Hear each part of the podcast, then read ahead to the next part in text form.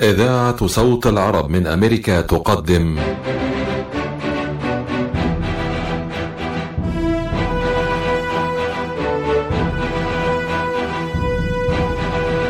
هناك شخصيات قدمت لأوطانها الكثير والكثير فاعتز بها الوطن وأصبحت شخصيات مضيئة في تاريخ هذه الأوطان.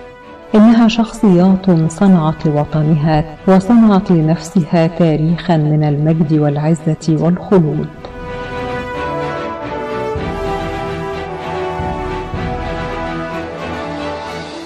شخصيات صنعت تاريخا.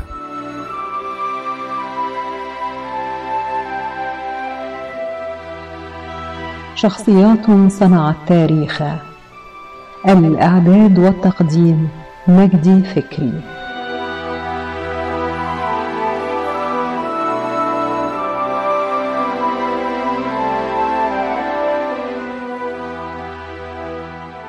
مستمعينا الأعزاء نقدم لكم اليوم حلقة خاصة من برنامج شخصيات صنعت تاريخا في ذكرى مرور ثمانية وأربعين عاما على نصر حرب أكتوبر المجيدة.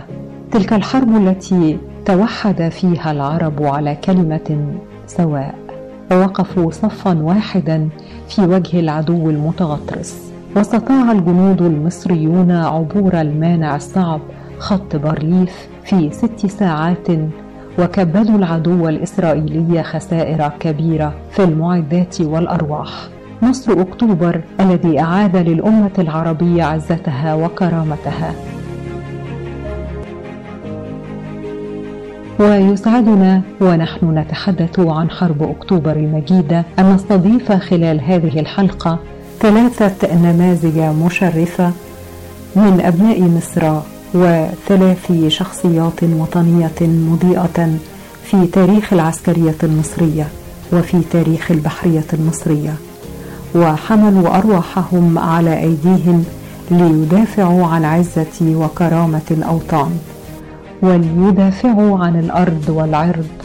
وقد شارك هؤلاء الأبطال في حروب الاستنزاف ما بين عامي 67 و 73 كما شاركوا أيضا في حرب أكتوبر. وأثبتوا جدارة وبسالة لا تقارن. وضربوا أروع الأمثلة في الزوج عن الوطن والدفاع عن أراضيه. الشخصية الأولى التي يسعدنا أن نستضيفها اليوم هو البطل ربان عمر عز الدين بطل عمليات الإغارة على ميناء إيلات الإسرائيلي وهو أحد أبطال لواء الوحدات الخاصة بالبحرية المصرية وأحد رجال الضفادع البشرية الذين قاموا بعمليات الإغارة على ميناء إيلات وذلك في الخامس عشر من نوفمبر من عام 1969 وشارك في العملية الأخيرة وكانت يوم الرابع عشر من مايو من عام 1970 وهي أكبر وأخطر عملية وتم فيها تدمير الرصيف الحربي والميناء العسكري إيلات بالكامل والذي كان مزدحما بالمعدات العسكرية وعشرات الجنود. أما في حرب أكتوبر فقد شارك يوم السابع من أكتوبر في عملية تدمير بعض المنشآت البترولية البحرية في أبورديس.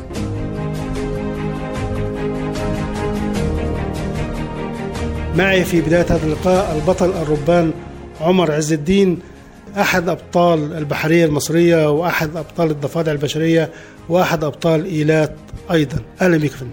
أهلا بك يا مجدي باشا والحقيقة أنت يعني عملت لنا مقدمة كبيرة قوي. آه، إحنا ما عملناش أكتر من الواجب بتاعنا كناس مصريين وواجبنا إحنا كنا ضباط في القوات البحرية وده شغلنا اللي إحنا عملناه يعني.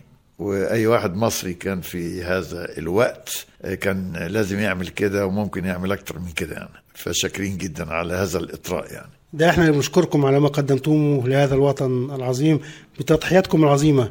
وخلينا نبدأ في البداية حضرتك آه، بدخولك البحرية. كان إمتى والتحاقك أيضا ثم بعد ذلك بالضفادع البشرية؟ أه، والحقيقة أنا يعني مولود في طنطا. يعني خدت ابتدائي في طنطا بعد كده أبويا كان الله يرحمه مهندس في الري. مهندس الري ده كان بيتنقل في حتت كتير. فدخلت البحرية وعشقتها بعد كده وعشقت البحر وعشقت المية وعشقت الغطس. واشتركت في لواء الوحدات الخاصة اللي أنا بعتز بيه وكان لنا الشرف الحقيقة أن إحنا يعني عملنا عمليات إيلات اللي هي مش عملية واحدة بيقولوا إيلات إنما دي خمس اختراقات حصلت في ميناء إيلات. الربان عمر عز الدين يعني أحد أبطال إيلات والذي نفتخر به كثيرا في مصر وفي الإسكندرية حيث يقيم.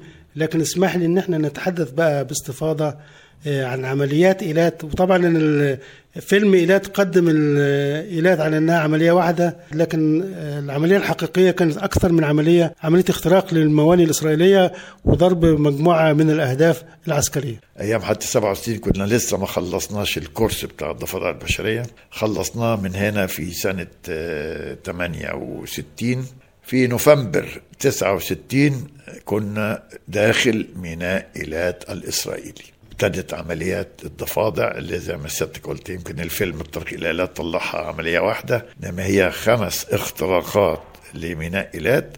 حصل فيها ثلاث عمليات ضفادع بشرية ناجحة بالكامل الحمد لله. ويمكن حاجة تسجل في التاريخ ما حصلش إن مينا تهاجم خمس مرات في خلال سبعة أشهر. دي ما حصلتش خالص. لأن عادة المينا بتتهاجم مرة بيعملوا احتياطات وبتاع ما حدش يقدر يخشها تاني.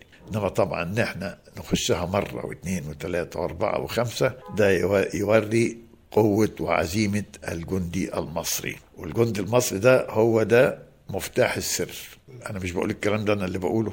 لا ده اللي قاله موشا ديان. يعني بعد طبعا هزيمة 73 أما قالوا له إزاي يعني اللي حصل قال لهم والله في مفاجأة كبيرة حصلت إن إحنا اتفاجئنا بجندي مصري جديد. ربنا عمر عز الدين اتكلم عن العمليات اللي قامت بها الضفادع البشرية ضد ميناء إيلات في 69 و70 يعني. أه والحقيقة الفترة دي يعني نقول سبعة أشهر من أول نوفمبر 69 لغاية مايو سنة 70 حصل اختراق لميناء إيلات خمس مرات. وحصل ثلاث عمليات ناجحة الحمد لله. الحقيقة أول عملية كانت 15 16 نوفمبر. تملي إحنا بنقول تاريخين ليه؟ تملي بننزل إحنا مثلا الساعة نبتدي العملية الساعة 9 بالليل يوم ما بنخلصهاش غير فجر اليوم التالي.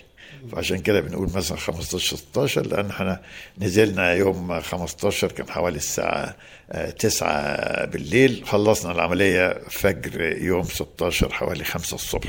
العملية الأولى الحقيقة دي كانت لها وقع كبير جدا لأنها كانت أول عملية في تاريخ الضفادع البشرية المصرية والعربية وأفريقيا. يعني ما فيش أي دولة أفريقية أو عربية يعني حتى اللي عندهم ضفادع بشرية هم طبعا يتعدوا على الصوابع إنما دي أول عملية في التاريخ وكانت عملية ناجحة بالكامل وتم تدمير السفينتين هيدروما وبيت شيفع السفينتين دول بيقوموا بإمداد الأسلحة والذخيرة والعتاد ليه بياخدوها من إيلات إلى المناطق المحتلة. طبعا هم كانوا محتلين شبه جزيرة سيناء بيودوها ميناء الطور أو أبو رديس. آه عملية طبعا كان لها وقع كبير وموشا ديان آه راح طبعا وزير الدفاع الإسرائيلي راح ميناء إيلات وزارها والحقيقة يعني هو كانت مفاجأة ليهم.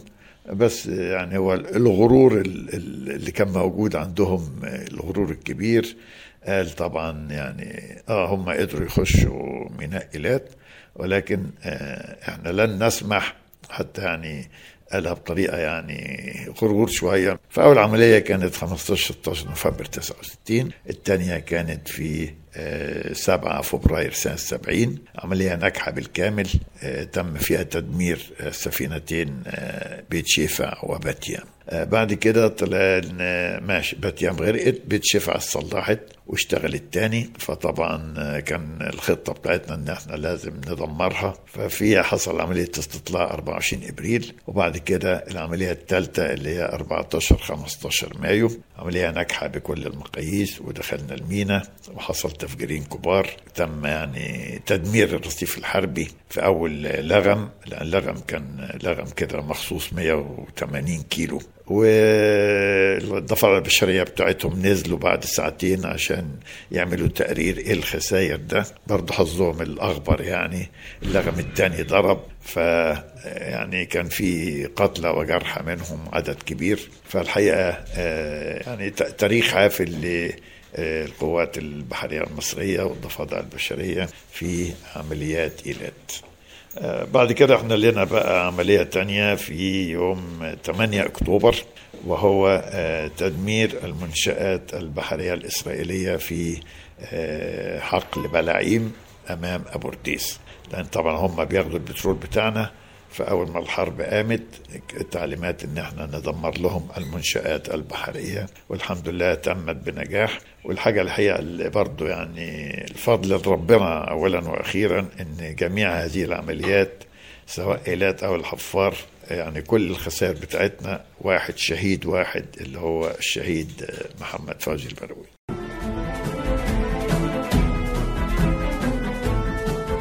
شخصيات صنعت تاريخا بينما كنا نجلس في بيوتنا مطمئنين كان علماؤنا يعملون ليل نهار لإيجاد لقاح لفيروس كوفيد 19 شكلت الأبحاث التي انطلقت منذ عقود حول أنواع أخرى من فيروس كورونا نقطة بداية في رحلة استغرقت اشهرا من البحث والتطوير بالتعاون مع خبراء من جميع أنحاء العالم. وبعد الحصول على نتائج سريرية واعدة لعشرات آلاف المتطوعين توصل العلماء أخيرا إلى لقاح آمن وفعال حيث تم حتى حتى يومنا هذا تلقيح مئات الآلاف من الأشخاص في ميشيغان والآن أصبح مصيرنا بين أيدينا. لنأخذ اللقاح في أول فرصة ممكنة ولنستمر في ارتداء الكمامة ولنأخذ الاحتياطات اللازمة حتى نصل إلى بر الأمان والتحرر من فيروس كورونا. للحصول على أكثر المعلومات مصداقية زوروا الموقع الإلكتروني michigan.gov/covid vaccine. هذه الرسالة بدعم من وزارة الصحة والخدمات الإنسانية في ولاية ميشيغان يوسف الحسن شايفك لابسه بيد حالك عارف إلي ساعة عم بستناك. مشان نروح نتغدى بالشام. الشام؟ إيه بالشام. ومو بالشام. شلون صارت هي؟ بدل ما نروح نتغدى بالشام إيه. جابوا لنا الأكلات الشامية الطيبة لعنا لهم. وشلون بقى؟ هذا مطعم دماس عم يعمل كل الأكلات الشامية الطيبة. هو وطيبة؟ طيبة كتير شرفوا نتغدى سوا بمطعم دماس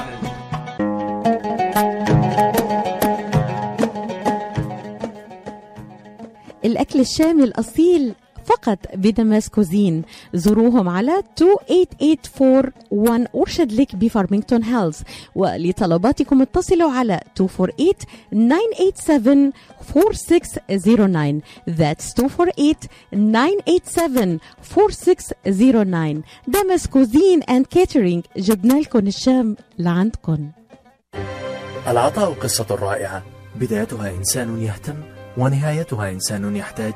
مؤسسة الحياة للإغاثة والتنمية ومنذ أكثر من 25 عاما تحمل عطاءك إلى من يستحقه ويحتاجه بغض النظر عن الجنس أو العرق أو الدين. فأينما تكون الحاجة تجد الحياة تقدم المساعدة الطبية والملاجئ وبناء المدارس والأوار الارتوازية وبرامج كفالة عوائل اللاجئين والأيتام وغيرها حسب الحاجة.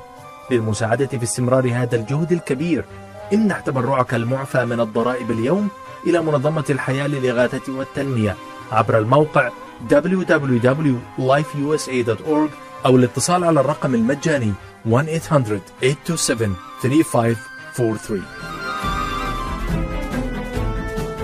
شخصيات صنعت تاريخا والآن نقدم لكم الشخصية الثانية من شخصيات حلقتنا اليوم.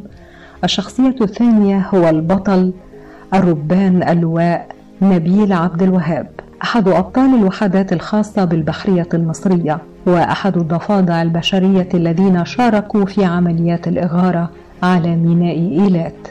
ولد الربان نبيل محمود عبد الوهاب يحيى في الإسكندرية في الحادي والعشرين من فبراير من عام 1947 وتخرج من الكلية البحرية في عام 1966 وهو أحد الأبطال البارزين في تاريخ البحرية المصرية.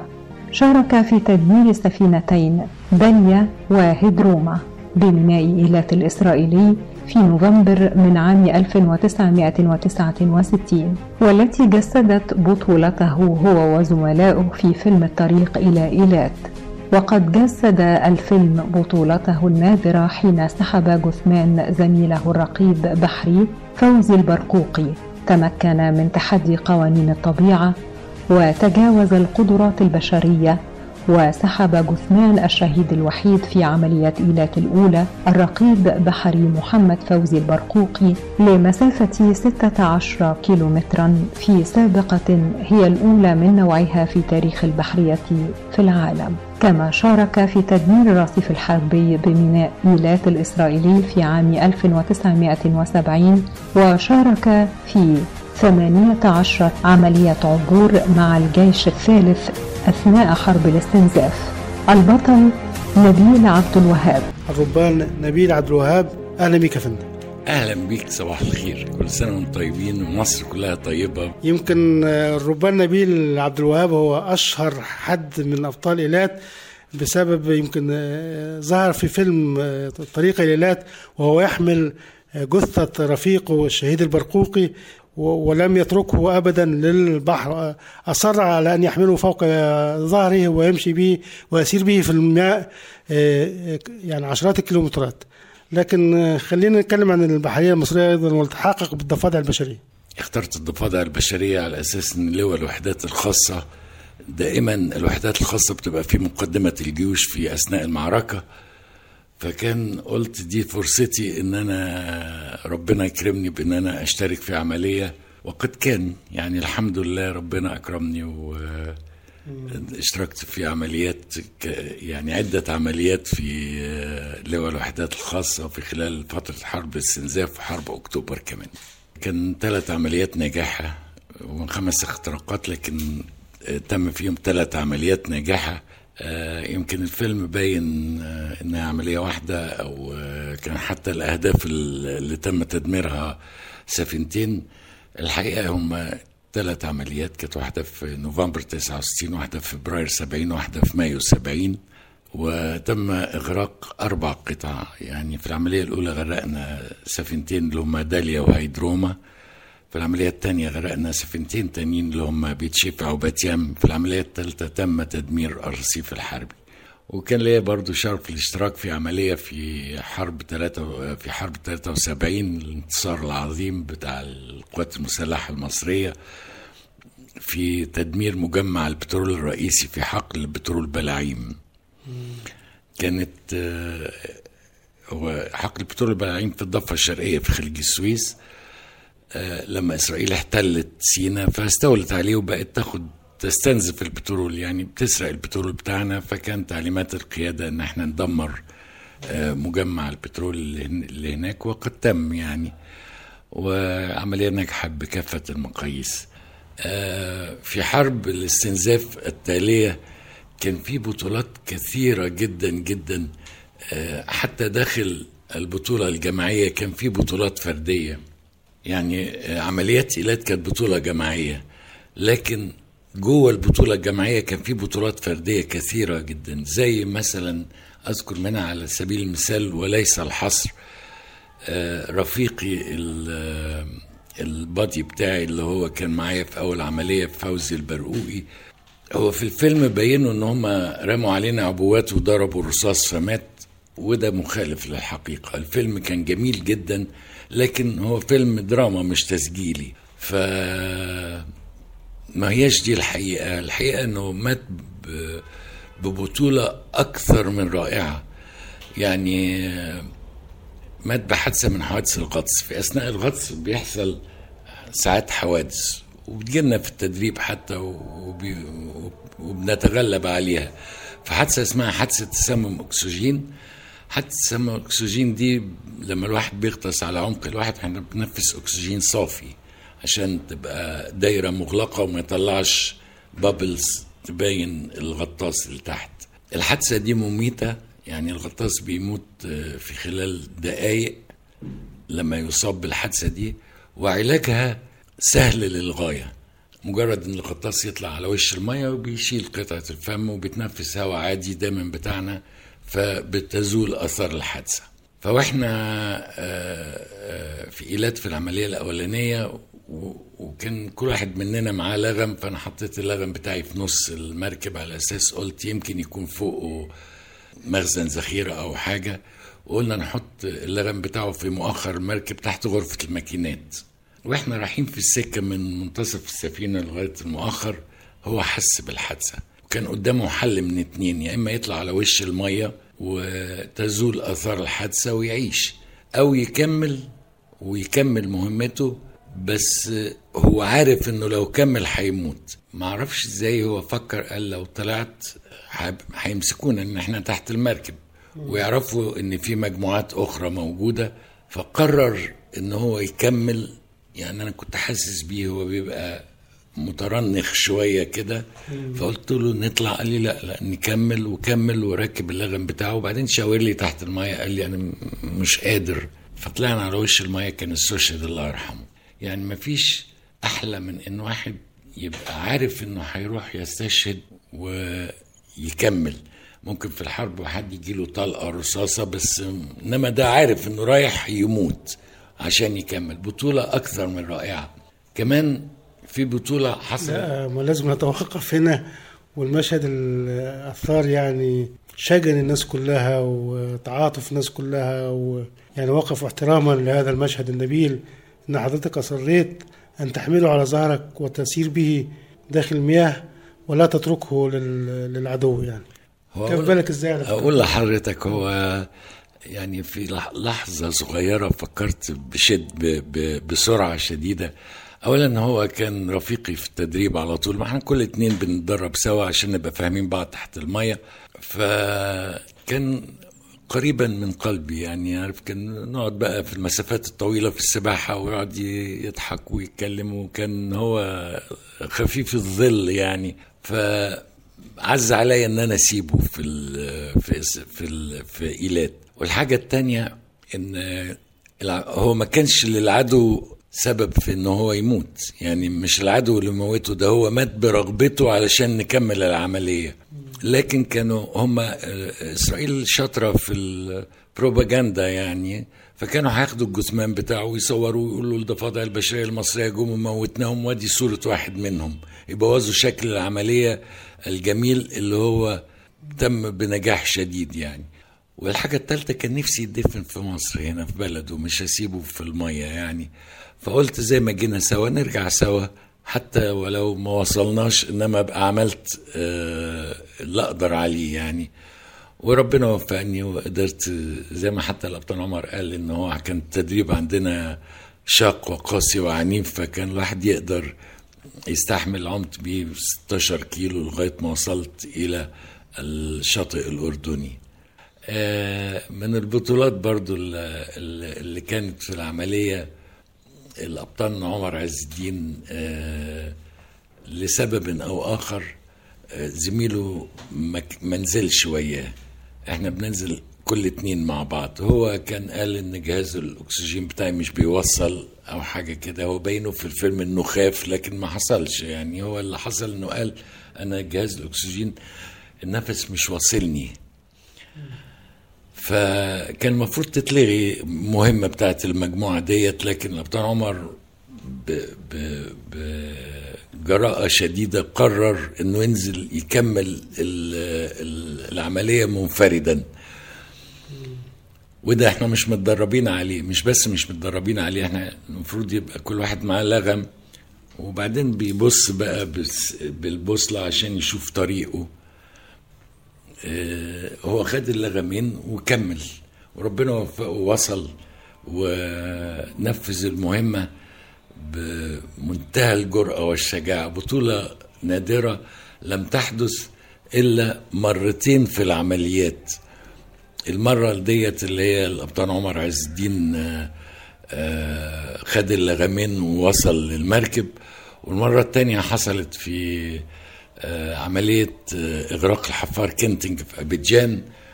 أما برضو آه، وصلوا مجموعة كان ست أفراد فكانوا بيودوهم على طيران مختلف علشان ما يبانش إن مجموعة شبان داخلين يبقوا هم دول ال- اللي عملوا ال- العملية.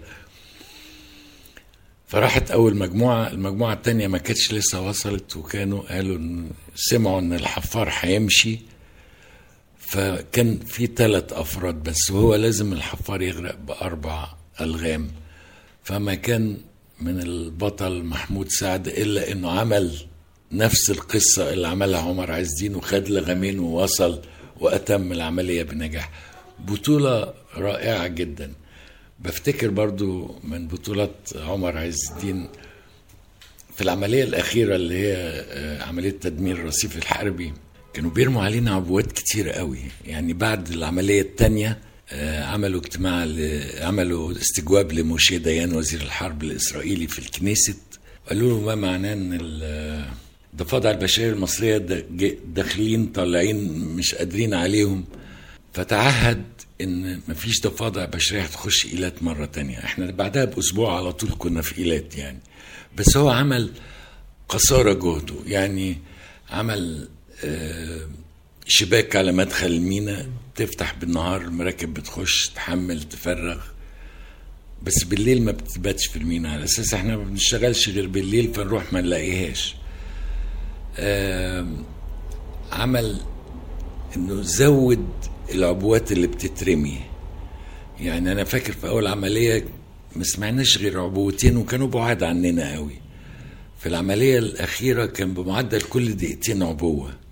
يعني كان عاملها جحيم تحت الماء. فحصل إنهم رموا عبوة كانت قريبة مننا قوي بس الحمد لله ما جرالناش حاجة بس لقينا الأجهزة اتفكت مننا والألغام وطلعت على وش المية وإحنا حتى طلعنا على وش المية لكن كان ال Zodiac بيرمي العبوة ويمشي على طول فإحنا طلعنا وراه فما شافوناش. لكن عملوا آه اتنين défaut في ال- في الألغام. أول حاجة اللغم هو كانوا عاملين لنا ألغام كبيرة شوية علشان آه، نظبط timer على 12 ساعة وهنروح مش هنلاقي مراكب فنحطها على القاع تحت جنب الرصيف الحربي. والمراكب تيجي الساعة 12 الصبح إحنا شادين التيلة الساعة 12 بالليل فتضرب 12 دور تكون المراكب وقفت فوق الألغام. آه، فكرة عبقرية طبعا. فعملوا لنا ألغام اللغم اللي كنا بنستخدمه الأول كان 50 كيلو ووزنه في المية صفر. وفي المادة المتفجرة تي ان تي عملوا لنا ألغام تانية وزنها 150 كيلو بس برضه وزنها في المية صفر. والمادة المتفجرة اللي فيها حاجة اسمها هيكسوجين قوتها التدميرية قد التي ان تي مرة ونص. ما طلعنا على وش المية الألغام عامت ومش مش راضية ال- التوازن اللي بتاعها مش بتغطس طب هنروح نحطها إزاي على القاع هناك؟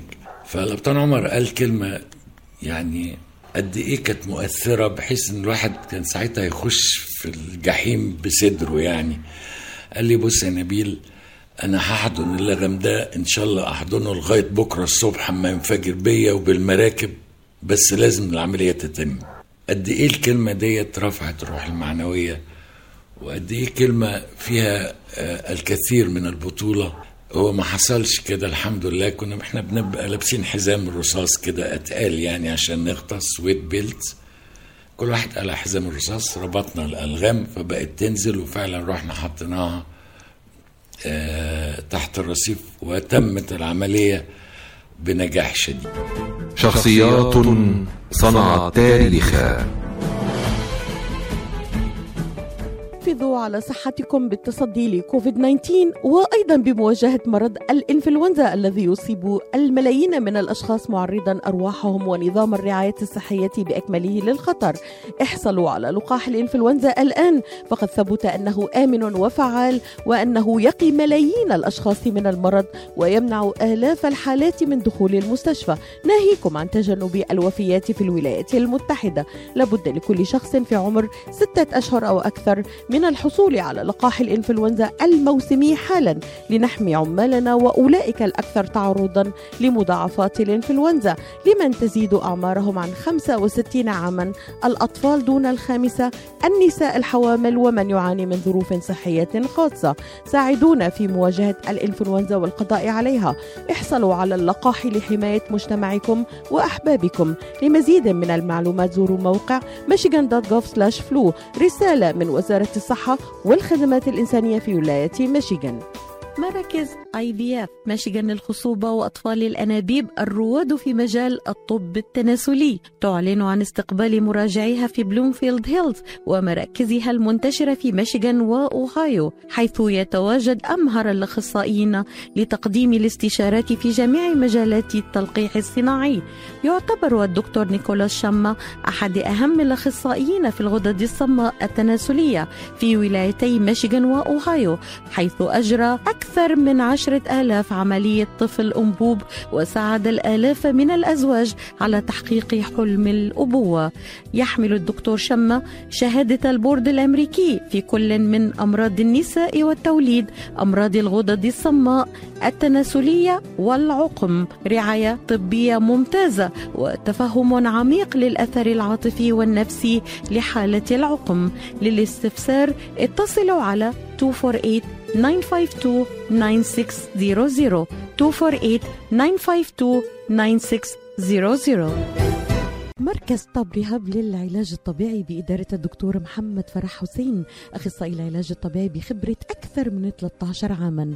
طب رهاب يقدم خدمات العلاج الطبيعي وإعادة التأهيل ويضم مجموعة من أفضل أخصائي التشخيص الدقيق للحالات المرضية مع خبرة عالية في التعامل مع الحالات التي تحتاج إلى إعادة تأهيل وعناية خاصة بعد العمليات والكسور. طب رهاب يستقبل كل الحالات المتعلقة بألم الرقبة الظهر المفاصل شلل الوجه الانزلاق الغضروفي عرق النساء الحوادث وإصابات العمل. خبيرات في المعالجة النسائية لخصوصية تامة للسيدات. عندما تبحثون عن رعاية متميزة اقصدوا توب ريهاب للعلاج الطبيعي.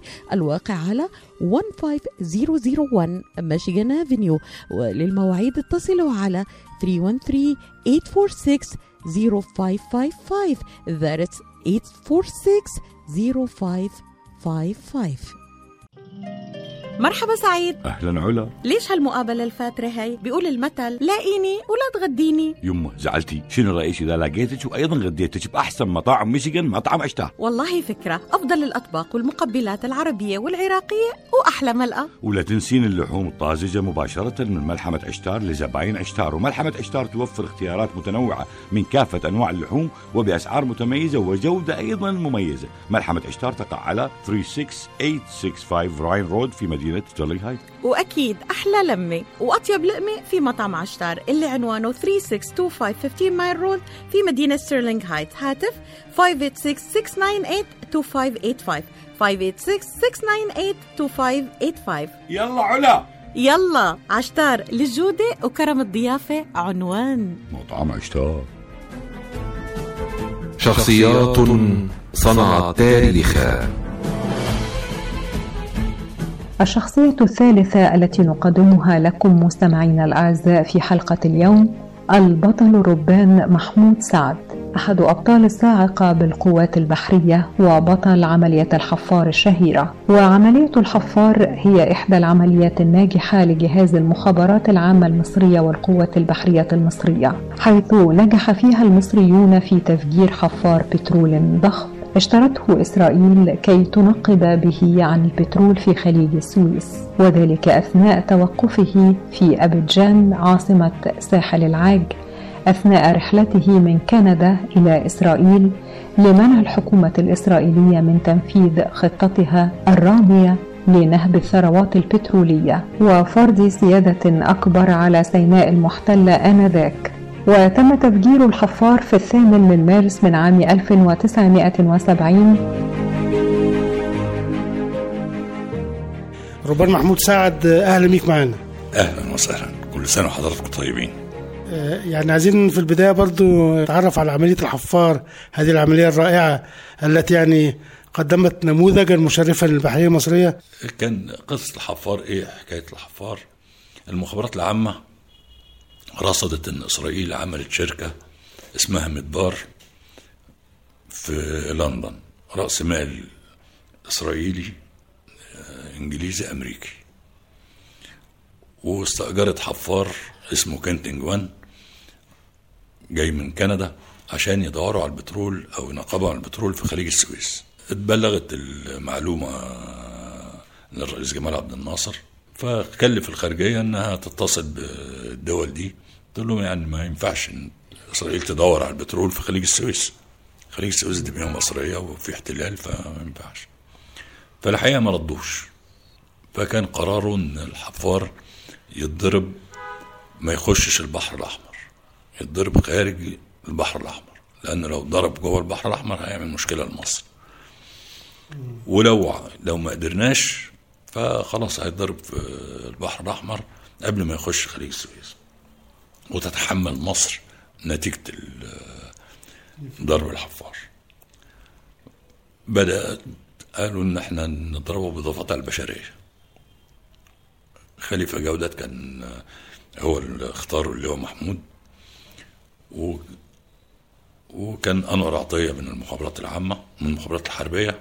والمخابرات العامة كان ثلاث ضباط كانوا كلهم رواد.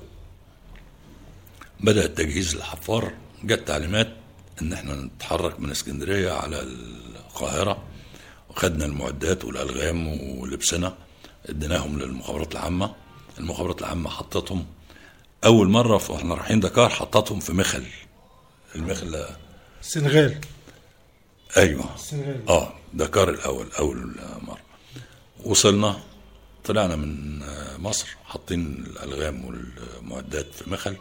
مع أنور عطية. ده رحتوا بطيارة ولا مركب؟ طيران المدني العادي. يعني إحنا طلعنا من أول مرة طلعنا من القاهرة مجموعة عن طريق فرانكفورت. دي كانت أنور عطية. حسني توفيق الشراكي وكان ملازم أول.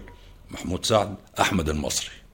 عن طريق فرانكفورت وصلنا دكار المجموعة الثانية كان خليفة جودة عادل الصحراوي ده دفعتي ملازم أول.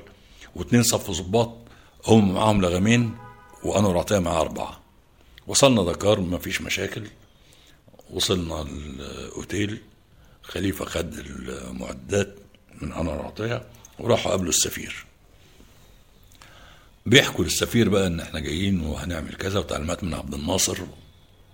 السفير قال هتعملوا إيه؟ أنا بقالي ثلاث سنين بحاول أصلح العلاقات. جايين أنتوا في ليلة تبوظوا الدنيا وتمشوا لا لا مفيش الكلام ده. وراح قايل بعد برقية لوزارة الخارجية الحمد لله إنها ما اتحلتش برجاء إلغاء عملية خليفة جودت خليفة جودت وانور عطيه وكان مندوب المخابرات اسمه أحمد هلال. راحوا سابوا السفير خلاص ما فيش فايدة فيه. ونقلنا على شركة النصر للتصدير والاستيراد.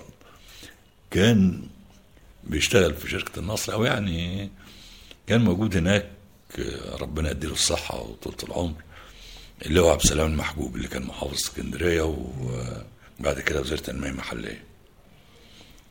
أو اتفقنا هنشتغل من بره السفارة وخليفة جودة اختار مكان كان يبعد عن الرصيف مسافة كبيرة قوي يعني. فجاي بيقول لنا هتعوموا؟ نار نعوم. بقت المشكلة إن إحنا ننزل إمتى؟ عشان ما يطلعش علينا النهار طول فترة السباحة. واتفقنا راحت الألغام شركة النصر والمعدات بتاعتنا ونروح نلبس في شركة النصر و... الساعة خمسة إحنا واقفين في الأوتيل بنبص على المينا. خمسة. فجرا ولا خمسة مساء؟ خمسة الظهر بعد الظهر. لقينا الحفار بيصفر القطرة واخداه وبيصفر. قلنا هينقل على رصيف تاني. راح فتحة المينا وسافر الحفار. طبعا مش عايز أقول لسعادتك إيه الإحساس يعني. حاجة مش ممكن. قعدنا المهم على أمل إن تيجي تعليمات من مصر. إن إحنا نسبقه على أي مينا في أفريقيا. للأسف جت تعليمات إن إحنا نرجع مصر. قعدنا بعدها بحوالي أسبوع عشرة أيام قالوا إن الحفار الحق إجروا كان وقفة عيد كبيرة أفتكر. الحقهم على القاهرة حطوا الألغام بقى المرة دي حطوها في شنط المخابرات العامة لها طريقة عشان ما تبانش الألغام. حطوا في شنط وكانت مع خليفة جودة. طلعنا على مجموعتين برضه خليفة جودة الله يرحمه كان رئيس أركان اللي هو الوحدات الخاصة خليفة حسن توفيق الشراكي ملازم أول محمود سعد ملازم أول رقيب أحمد المصري. عن طريق طلعنا عن طريق باريس. المجموعة الثانية طلع عن طريق أديس أبابا عادل الصحراوي مع اتنين صف وصباط ومعاه لغامين خليفة معاه أربع لغام. وصلنا أبيجان. مفيش مشكلة.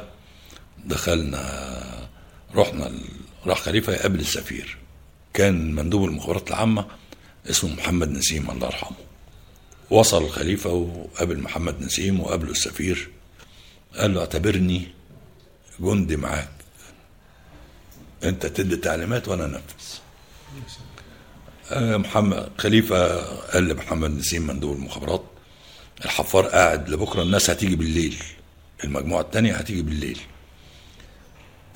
قال له الحفار قاعد لبكرة؟ قال له ما أعرفش. طب السفير يا حسام بيه الحفار؟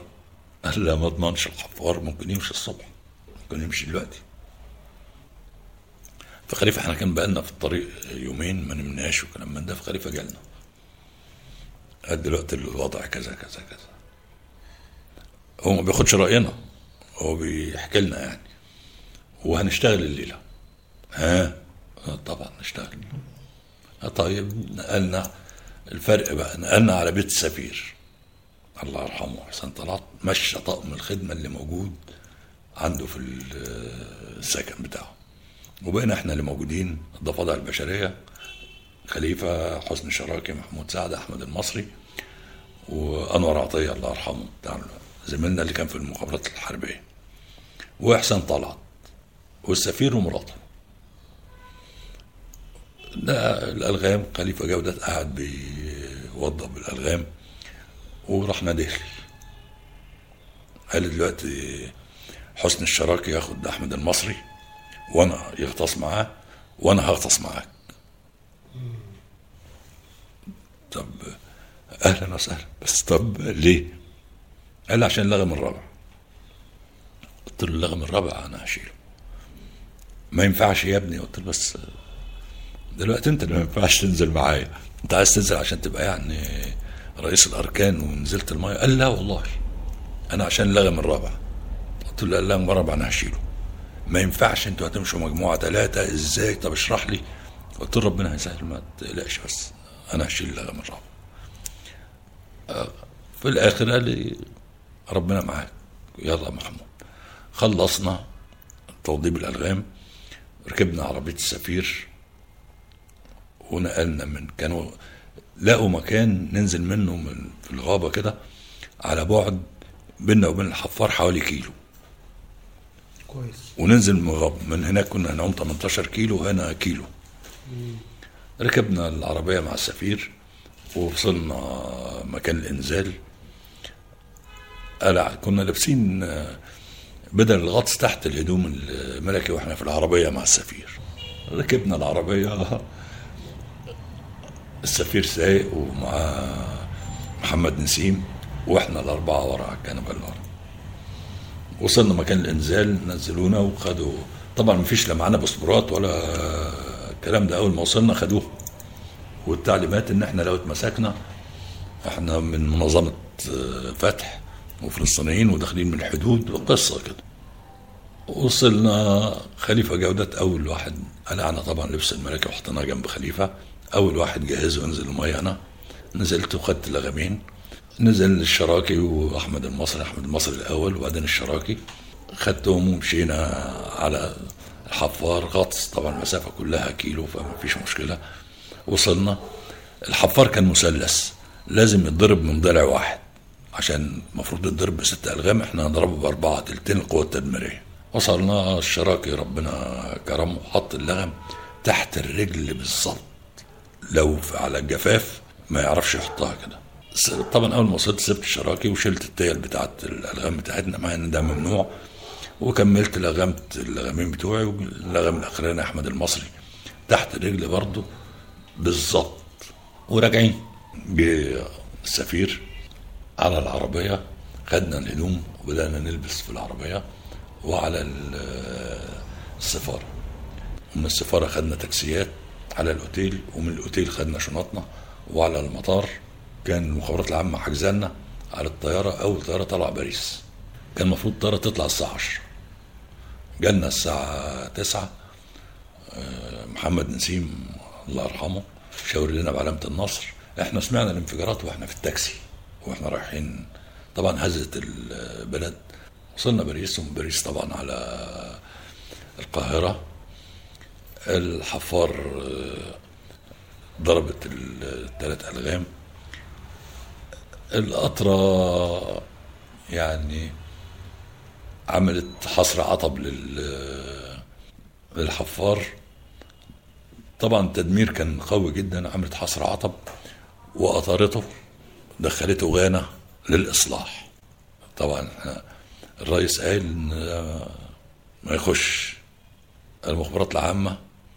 رجعنا طبعا على مصر إحنا ما نعرفش إيه بقى التورات فجأة كده خليفة جودة الله يرحمه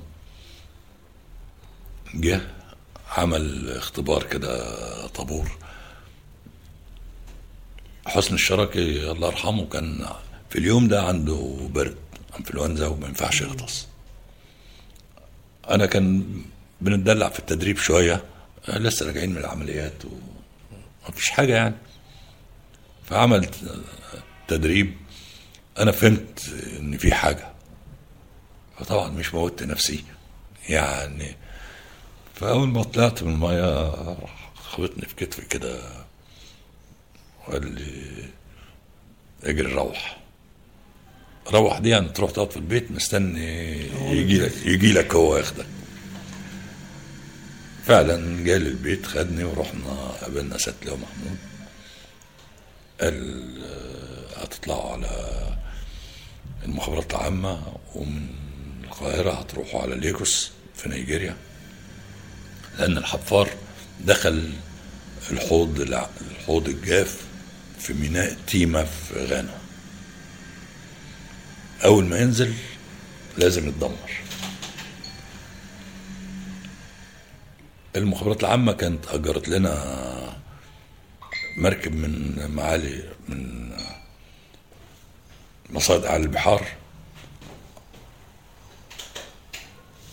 اسمها راس بناس.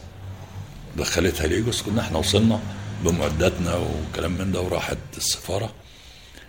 واستنينا المركب دخل نقلوا المعدات الصناديق الخشب دي على المركب وخدنا طقم المركب قعدناه في أوتيل في ليجوس يعني الكلام ده 51 سنة. لكن ما زلت أذكر اسم الأوتيل اللي ودينا فيه المجموعة ال- الأوتيل اسمه الفيدرال. وإحنا كنا قاعدين في أوتيل تاني في البلد.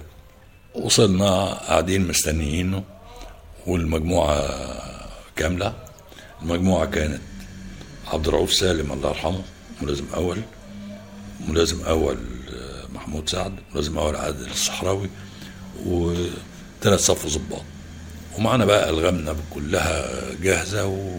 ومعنا العوامات. على أساس إن الحفار ينزل يربط جنب الحوض ال- الجاف نكون إحنا على المركب وداخلين المخابرات العامة كانت مجندة حد بيشتغل على الحفار في الحوض. فعندهم أدق التفاصيل بتاعة الإصلاح.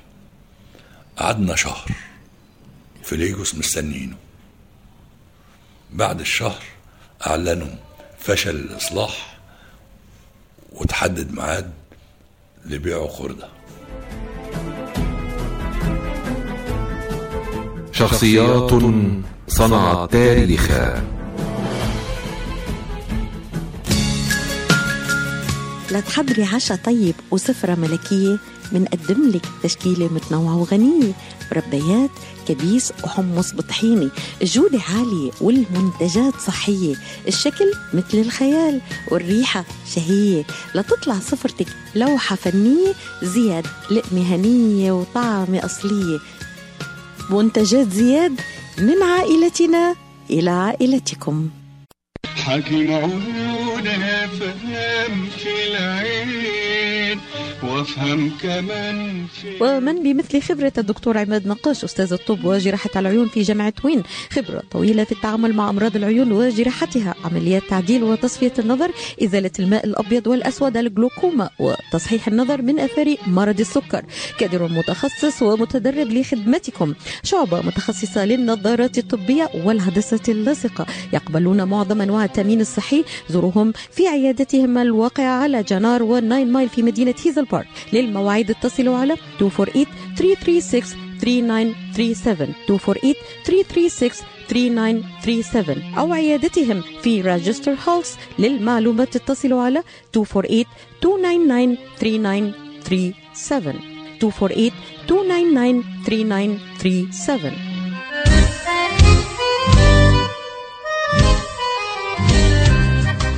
New Concept Products and Design بإدارة ناجي عبود هل تحتاج فتح مطعم؟ هل تحتاج فتح محل المواد الغذائية؟ هل تحتاج تصاميم وخرائط؟ اتصل بناجي عبود على الرقم 734-744-9796 هل تريد شراء معدات المطابخ والمطاعم وبأسعار مخفضة وتسهيلات بالدافع؟ اتصل بناجي عبود الآن على الرقم 734-744-9796 خصم 5% عند الشراء ب 75 ألف أو أكثر على كافة المواد. لمزيد من المعلومات زوروا موقعهم الإلكتروني على www.newconceptproducts.com أو زوروهم في موقعهم الجديد. 31185 Schoolcraft in Livonia. ناجي عبود العلامة المميزة في عالم المطابخ. شكرا لكم مستمعينا الأعزاء وإلى لقاءات قادمة بإذن الله. شارك في تقديم هذه الحلقة منال زيدان. شخصيات صنعت تاريخا.